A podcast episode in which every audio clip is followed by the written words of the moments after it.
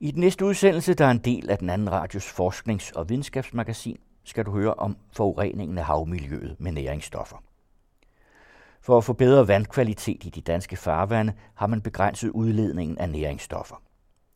Spørgsmålet er så, om man har nået målene for en bedre vandkvalitet. Et vigtigt målepunkt er ålegræsset, men det har ikke fået en fremgang, der svarer til den mindre udledning. Lektor Søren Laurentius Nielsen fra Roskilde Universitet fortæller om udforskningen af, hvorfor ålegræsset ikke er vendt tilbage. Jeg arbejder med planter og alger, der vokser i vand. Deres vækst, deres fotosyntese, deres økologi i det hele taget. Der har været nogle forureningsproblemer med øh, organiske stoffer i Danmark. Kunne du prøve at sige, hvad det er for nogle problemer, der har været, og hvad er det, man har gjort ved det? Ja, det, det har der jo i høj grad. Men i virkeligheden så er forureningsproblemet starter ikke med organiske stoffer. Det vi snakker om, når vi snakker om eutrofiering, ordet eutrofiering er græsk i virkeligheden og betyder øh, næringsberigelse.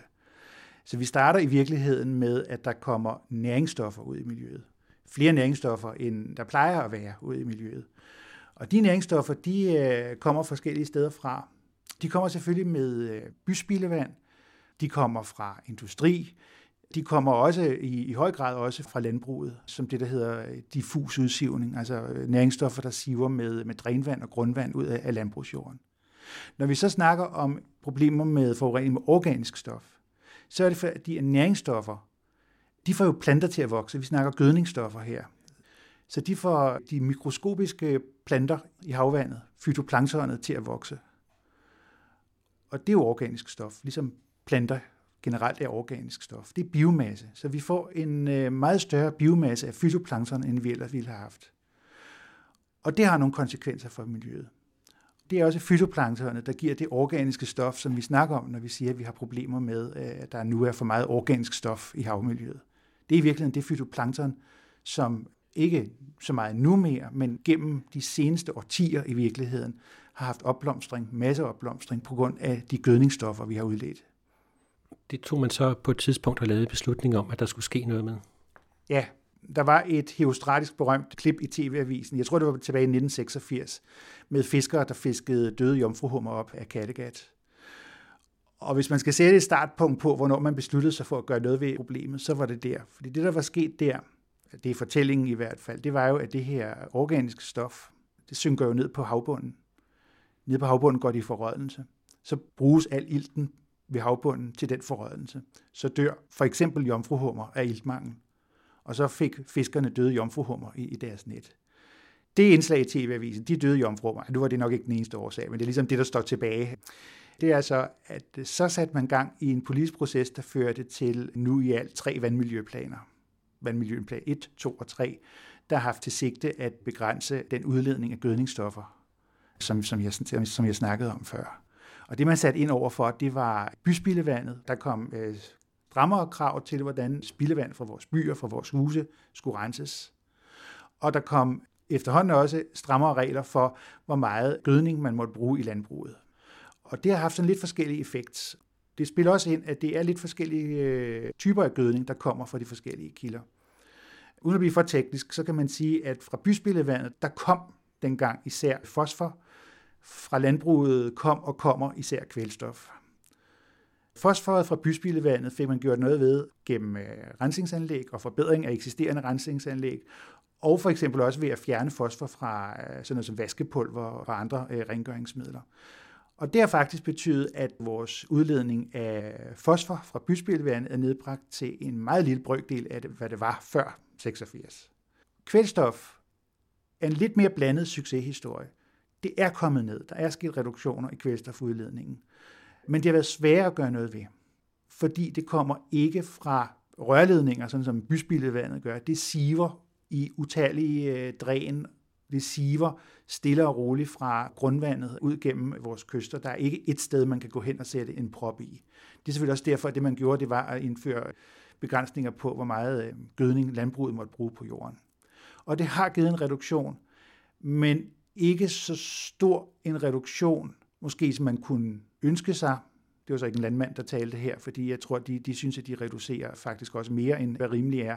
Men der er sket en reduktion i udledning, og hvad vigtigere er, den reduktion i udledning har faktisk også haft positive konsekvenser ude i de kystnære økosystemer.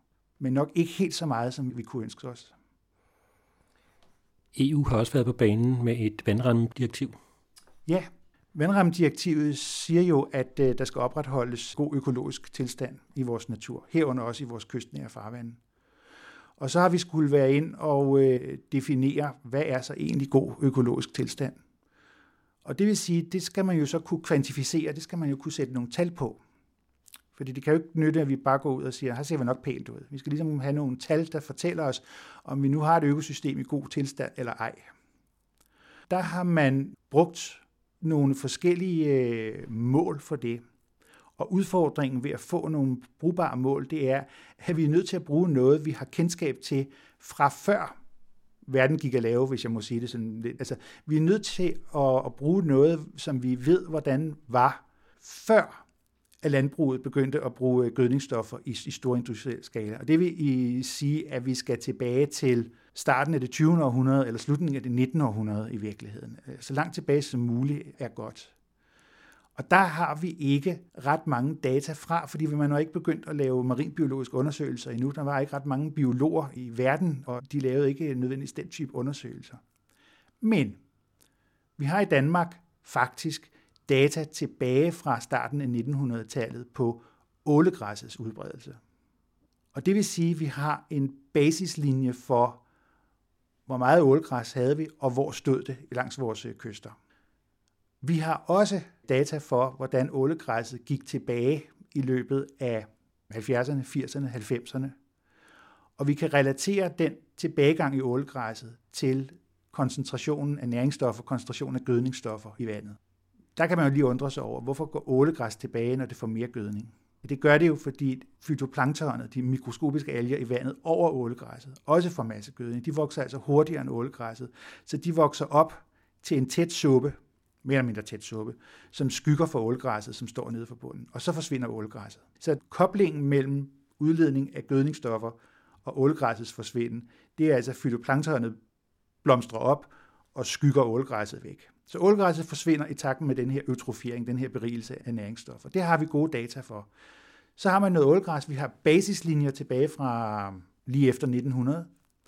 Vi har en god sammenhæng øh, mellem næringsstofkoncentrationer og ålegræssets dybdegrænse fra den periode, hvor problemet måske var størst, 70'erne, 80'erne, starten af 90'erne. Og de ting til sammen gør så, at vi kan bruge ålegræsset som en øh, indikatororganisme for, hvad der sker i økosystemet, når vi udleder næringsstoffer. Og så kan vi bruge det som et mål for, har vi en god økologisk tilstand eller ej. Der skal man så ind politisk og sige, okay, hvor meget ålgræs, eller, eller hvor meget ålgræs må der være forsvundet, før vi siger, at vi ikke længere har en god økologisk tilstand. Det er en politisk beslutning, den er også blevet taget. Jeg tror, det er et underligt skævt tal, noget i retning af 76 procent.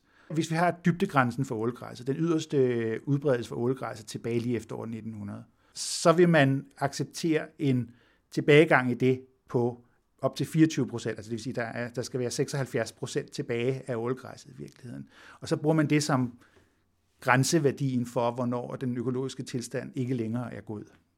Hvis der er mere end de 76 tilbage, så er det stadigvæk en god økologisk tilstand. Hvis der er mindre, så er det ikke en, en god økologisk tilstand mere. Og så skal der gøres noget for at genoprette den gode økologiske tilstand. Kunne du ikke prøve at beskrive ålgræs? Hvad er det for en plante, vi snakker om?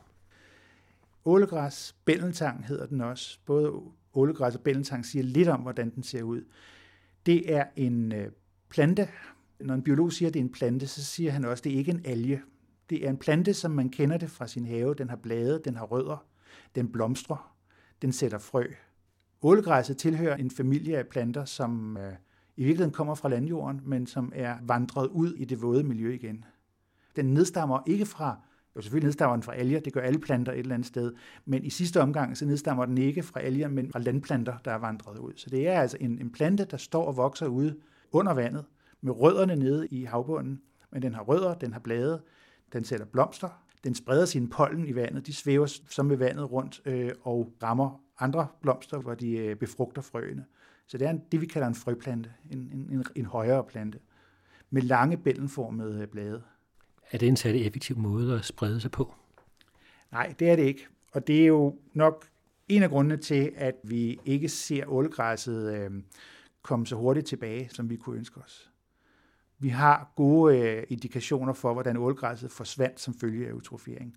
Og nu har vi faktisk fået begrænset eutrofieringen. Vi har fået sat næringsstofudledningerne ned. Vi ser faktisk også, at vandet er blevet klarere i mange områder. Problemet med næringsstoffer var jo, at de gav anledning til, til opblomstring af mikroskopiske planktonalger. Mindre næringsstof, mere klart vand, det ser vi i mange områder. Ålegræsset kommer ikke tilbage. Noget af det kan utvivlsomt hænge sammen med, at øh, ålegræsset er ikke så effektivt til at sprede sig. Det spreder sig på to måder. Det spreder sig vegetativt. Det er på samme måde, som jordbær spreder sig med udløbere. Altså så en plante, en ålegræsplante sender en udløber ud hen over havbunden, og der, hvor udløberen slår rødder, der kommer der en ny lille plante op, og så fremdeles.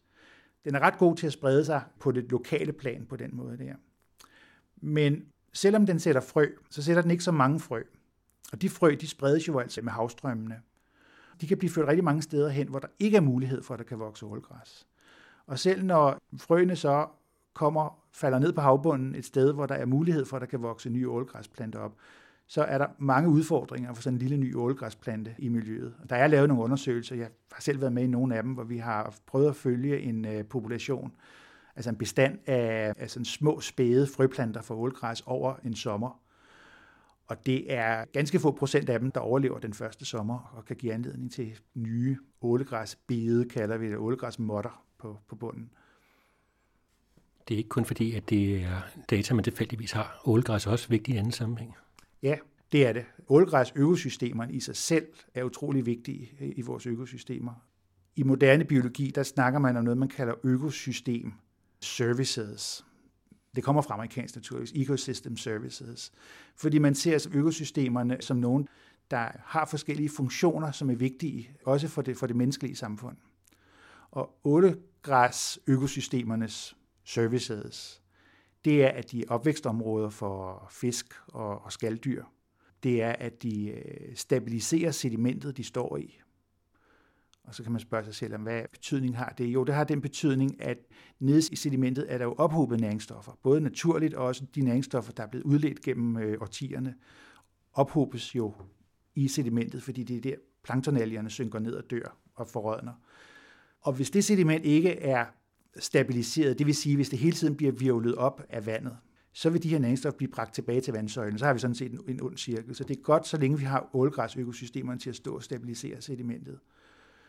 De beskytter også mod kysterosion. Det er en, det er en funktion af det samme. De holder på sedimentet. Det er ligesom på samme måde, man planter græs på en skråning, så jorden ikke skrider ned op på det tørre land. Ålgræsset holder på sedimentet. Så de udfører en lang række services i virkeligheden. Så de er i meget høj grad meget vigtige økosystemer i deres egen ret ude i det marine miljø. Ikke kun som indikatororganismer. Da i begyndelsen af århundredet, hvorfor undersøgte man egentlig ålegræs? Ja, øhm, dengang havde man faktisk en tanke om, at ålegræsset havde betydning for fiskeproduktionen. Det var i virkeligheden så en meget sådan en landøkonomisk tankegang, der lå bag, at man kastede sig over ålegræsset. Altså på samme måde som øh, op på landjorden af kvægproduktion afhang af, hvor god var græsningen i et givet område, så tænkte man, at der måtte være en sammenhæng mellem fiskeriet og udbredelsen af, af ålgræs, fordi man havde måske ikke nogen meget præcis idé på det tidspunkt, men man havde en idé om, at ålgræs økosystemerne var vigtige for fiskeriet. Så det var i virkeligheden sådan en økonomisk tankegang, der siger, at vi må have sat tal på udbredelsen af ålgræsset for at kunne sige noget om dets betydning for fiskeriet. Der er lavet en stor undersøgelse i forbindelse med øh, undersøgelse om ålgræs kom tilbage, som du har deltaget i. Ja. Øh, det officielle navn, som står i de officielle dokumenter, er fuldstændig umuligt. Øh, internt så kalder vi den real grass. Det betyder faktisk øh, rullegræs på engelsk. Det var meget mundret. Det var også et skægt navn, fordi det projektet handlede om, det var i virkeligheden at finde ud af, hvordan kunne vi få ålegræsset til at komme tilbage, eller rettere sagt, ikke så meget, hvordan kunne vi få det til at komme tilbage, men hvad var det, der forhindrede det i at komme tilbage af sig selv? Så den der øh, allusion til, til rullegræs, synes vi var ganske morsom, vi der var i, i, i projektet. Problemet var jo, vi har de her gode sammenhæng mellem, hvordan ålgræsset forsvinder som følge af eutrofiering, som følge af næringsberigelse. Men nu har vi så det problem, at vi øh, har reduceret næringsudledningerne, og ålgræsset kommer ikke tilbage. Så det kommer ikke bare tilbage i takt med, at der sker forbedringer. Altså en forværing på så også mange procent tog livet af så også meget ålgræsset, men nu har vi forbedret så også mange procent, og vi har ikke den samme øh, tilbagevinding af ålgræs. Hvorfor ikke? Det var udgangspunktet for projektet. Hvad er det for ting, der har ændret sig? Og der øh, er den væsentligste grund, det er, at der er sket nogle øh, grundlæggende ændringer i økosystemet i løbet af eutrofieringen. Eutrofiering, altså næringsstofberigelsen, er ikke bare et spørgsmål om, at der kommer nogle næringsstoffer ud, som har en effekt, og så når man fjerner næringsstofferne, eller næringsstofferne efterhånden forsvinder, fordi man udlader mindre, så forsvinder de effekter igen. Nej, der sker nogle, om ikke blivende, så i hvert fald nogle langtidsændringer i økosystemet. Inden for økologien, der snakker man om regimeskift. Det dækker over, at økosystemer har nogle iboende mekanismer, som har en tendens til at stabilisere økosystemet. Så når du har et, et ålegræsøkosystem, så kan det tåle ganske meget i form af næringsstofudledning, i form af nedgang i lystilgængeligheden, før der sker noget. Men når der så sker noget, så det er det, der sker, altså forsvinder ålegræsset. Og så er man kommet ind i en ny stabil situation, som så ikke umiddelbart vender tilbage til den første stabile situation. Nu skal man altså ændre tingenes tilstand meget i modsat retning, før økosystemet så at sige svupper tilbage igen til, til udgangspunktet, og der kommer ålgræs ind igen. Og det Real Grass-projektet handlede om, var i virkeligheden at prøve at finde ud af, jamen, hvad er det for ting, der har ændret sig, siden at, at vi har fået øh, den her nye, stabile situation. Hvad er det, der gør den nye situation så stabil? Og den allervigtigste ting, der er sket, det er, at bunden er blevet rig på organisk stof. Og det organiske stof, det kommer jo altså fra de mikroskopiske planktonalger, som er blomstret op som følge af næringsstofferne, og så gennem over 10'er er faldet til bunds og har ligget der og rådnet op i mere eller mindre udstræk grad. Så der er meget mere organisk stof i havbunden i dag, end der var for 20, 30, 40, 50 år siden. Og det har nogle konsekvenser for ålgræs. Det gør faktisk havbunden til et dårligere sted at vokse for ålgræsset. Af flere årsager. Sådan en organisk rig bund er mere mudret. Ålegræsset kan bedst lide sådan et forholdsvis sandet havbund, men selvfølgelig med en vis mængde næringsstoffer og organisk stof i. Men når der kommer for meget organisk stof ned, så går man fra en sand til en mudderbund. En mudderbund den er meget løsere. Øh, nogle steder så, så er det faktisk svært at se, hvor vandet holder op og bunden begynder, hvis man dykker ned. Så kan der ligge sådan et med et, med et amerikansk ord, så snakker vi om et fluff-lag på flere centimeters tykkelse, der gør det svært at se præcis, hvor, er, hvor holder bunden op, og vandet øh, starter. Så der er sådan en meget løst lag, som er meget, meget svært for sådan en plante at holde sig fast i med rødderne. Det er en af de ting, der forhindrer de små spiger i at etablere sig. Sådan et, et muddersediment er også rigt på forskellige stoffer, som er giftige for planter. Det er svolbrinte, svovlbrinte, som er et øh, produkt af nedbrydningen af det organiske materiale. Især når der ikke er ild til stede, så er der bakterier, der danner svolbrinte. svovlbrinte. Det er giftigt for planterne. Der kommer også forskellige andre biprodukter af nedbrydning af det organiske stof, forskellige øh, syre og, og alkoholstoffer, som naturligt kommer, når organisk stof nedbrydes, men de er faktisk også giftige for planter. Så meget vigtigt er, et organisk rigt sediment er et dårligt sted for en ålgræsplante, både at få etableret sig og også, også at overleve. Den virvler simpelthen nemt op fra bunden. Der er også andre ting, der har ændret sig samtidig. I takt med, at ålgræs, de store bede af ålgræs, de store måtter af ålgræs er forsvundet, så har økosystemet også ændret sig på andre måder. Det løse sediment har betydet, at der er blevet afdækket, i nogle områder i hvert fald, er blevet afdækket store sten i havbunden. Det giver mulighed for øh, nogle øh, makroalger, nogle øh, af de store alger at få fodfæste, fordi de, de vokser på stenene der. Hvis algen er stor og stenen er lille, så kan hele ensemblet af sten og alger blive ført afsted med, med vandbevægelser. Og så har man det, som nogle af mine kolleger har kaldt øh, ballistiske alger. Altså man skal forestille sig sådan en, en op til knytnæve stor sten med en stor alge siddende på, der bliver ført afsted med, øh, med, med vandet. Og hvor den så rammer bunden, ja, det hvor den rammer, der kan en lille ålgræsspire ikke overleve. Så der er sådan en, altså ligesom sådan en, en form for rullestenseffekt i virkeligheden, at der kommer de her sten med alger hen over bunden og rammer ned. Så der er en fysisk forstyrrelse. Der er også kommet, i visse områder i hvert fald, kommet flere sandorm øh, og andre dyr i havbunden, som spiser ålgræsfrøene, og som øh, med deres graveaktiviteter i havbunden er med til at grave ålgræsfrøene ned i nogle dybder, de ikke kan spire fra. Så der er sket flere ændringer i økosystemet, og En af konklusionerne fra Realgrass-projektet, det var, at øh, vi nok ser på en situation, der med de nuværende tiltag vil være mellem 60 til 80 år om at komme tilbage til udgangssituationen, som den var øh, midt i det 20. århundrede. Kan man gøre noget for at få det til at gå hurtigere? Det kan man måske godt.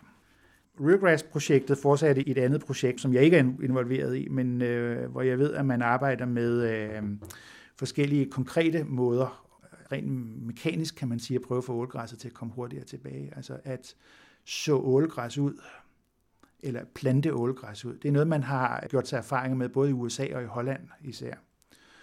Erfaringer fra udlandet er noget blandet, og derfor har det selvfølgelig også været interessant at øh, prøve at gøre sig nogle danske erfaringer med det.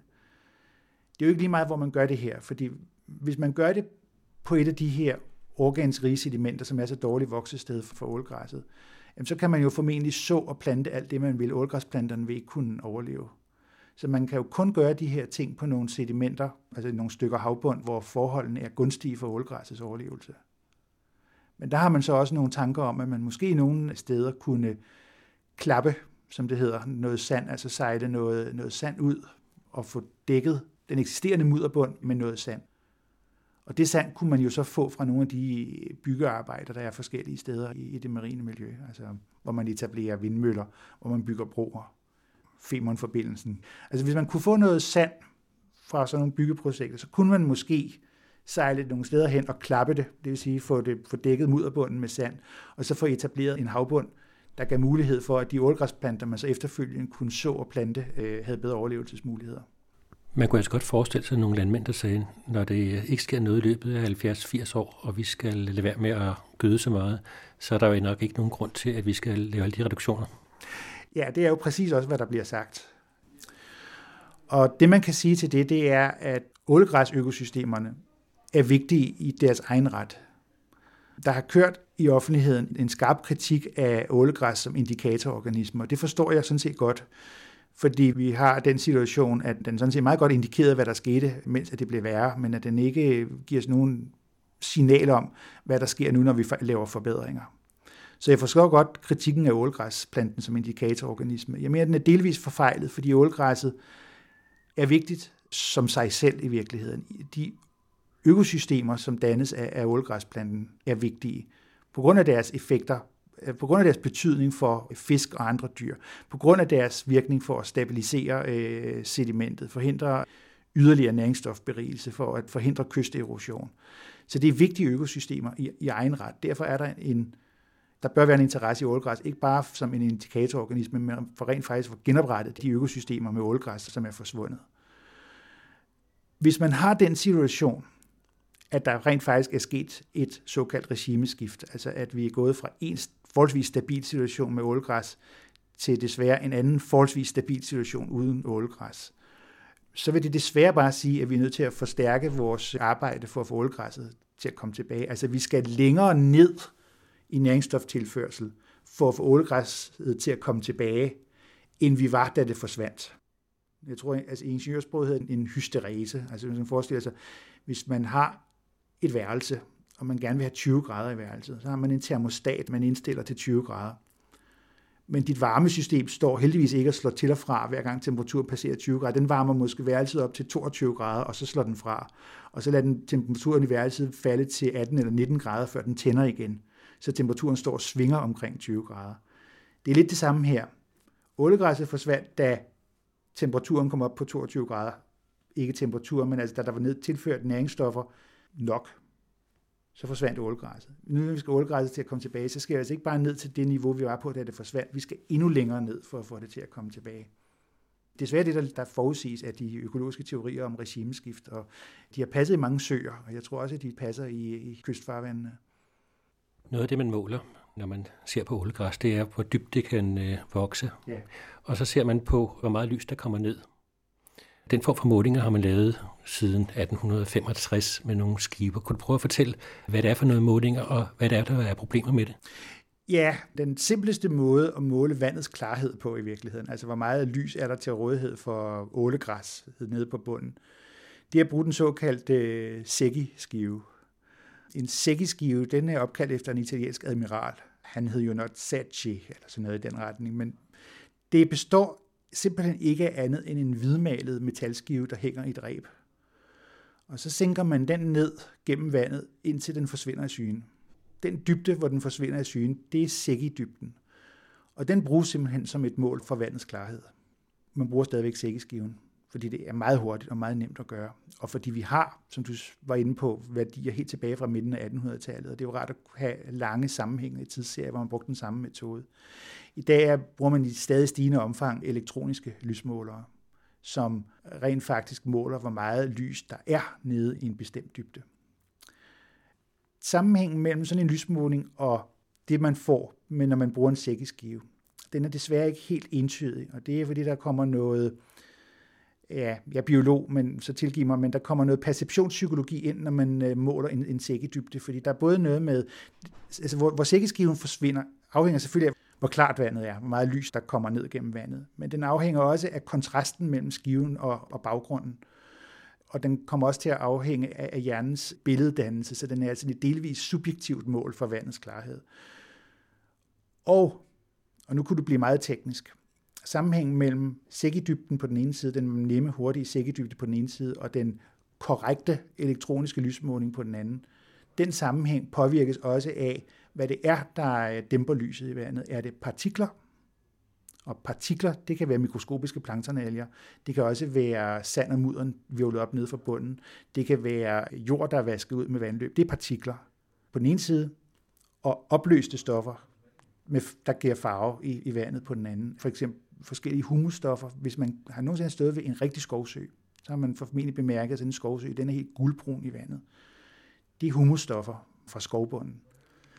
Der udvasker hele tiden humusstoffer til vores øh, kystfarvande også. Forholdet mellem det, man måler med en sækkeskive, og det, man måler med en elektronisk lysmåler, det afhænger også af, hvad er det, der tager lyset i vandet? Er det opløste stoffer, eller er det partikler? Fordi det, det trækker i forskellige retninger. Så der er den mulighed i virkeligheden, at den forbedring i lysforholdene, vi måler, at den ikke er helt reel. Altså det, det vi måler med sækkeskiven, at vi i virkeligheden gennem vores sækkeskivemålinger tror, at lysforholdene er forbedret mere, end de rent faktisk er ved ålgræsset. Fordi balancen mellem partikler og opløste stoffer i vandet har ændret sig. Så vi, vi måler vi tror, vi måler noget, der ikke er helt reelt, en helt reelt forbedring nede omkring ålgræsset. Så hvis man bruger en sækkeskive, så ser det bedre ud med den forøgede vandkvalitet, end det gør, hvis man laver en elektronisk måling? Ja, kort sagt ja. Man overvurderer forbedringen. Udsendelsen var tilrettelagt af Henrik Moral.